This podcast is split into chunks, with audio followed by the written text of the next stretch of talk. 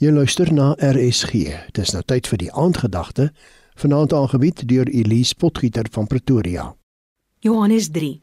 God het die wêreld so liefgehad dat hy sy enigste seun gegee het, sodat die wat in hom glo nie verlore sal gaan nie, maar die ewige lewe sal hê. Goeienaand luisteraars.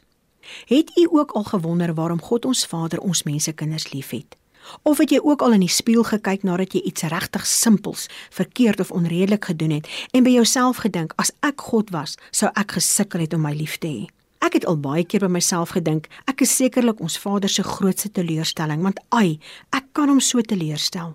Sulke gevoelens het tot gevolg dat ons diep binne onsself twyfel of God ons werklik liefhet maar sy woord bevestig oor en oor dat God die mens so liefhet dat hy sy eie seun self God gestuur het om 'n verskriklike lydingsdood te sterf sodat ek en jy gered kon word.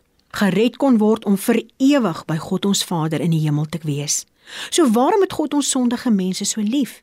En die antwoord is dat God almagtig die bron van liefde is. Dit is die wesenlikheid van sy natuur om lief te hê, want hy is die bron van liefde. Hy kan nie ophou al is ons hoe sondig om ons lief te hê nie. God se liefde is ewig en sy karakter so betroubaar dat sy liefde nie as gevolg van enige iets wat ons doen of sê geskit kan word nie. Hy het elkeen van ons so lief, presies soos ons is. Dis waarom hy Jesus Christus self God gevra het om die grootste opoffering te doen en dis om seker te maak dat ons almal 'n gelyke geleentheid het om in die hemel te kom. Jesus sê self: Niemand het groter liefde as dit nie, dat hy sy lewe vir sy vriende aflê en soos die Vader my liefhet, het ek julle ook lief. Julle moet in my liefde bly.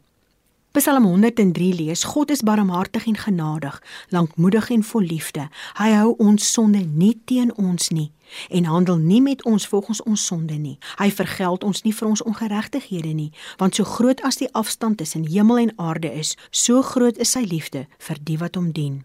Tog vermaan Jesus ons in Johannes. Hy sê: "As julle my opdragte uitvoer, sal julle in my liefde bly, net soos ek die opdragte van my Vader uitvoer en in sy liefde bly." Ons kan nie net glo nie, ons moet ook doen. Hebreërs 5 leer ons dat hoewel Jesus die seun van God was, het hy deur alles wat hy gelei het, geleer wat gehoorsaamheid is. En daarom is ons gebed vanaand Vader in die naam van Jesus Christus. Dankie vir die versekering dat U my liefhet. Leer my ook om aan U gehoorsaam te wees. Amen. Dit was die aandgedagte hier op RSG, aangebied deur Elise Potgieter van Pretoria.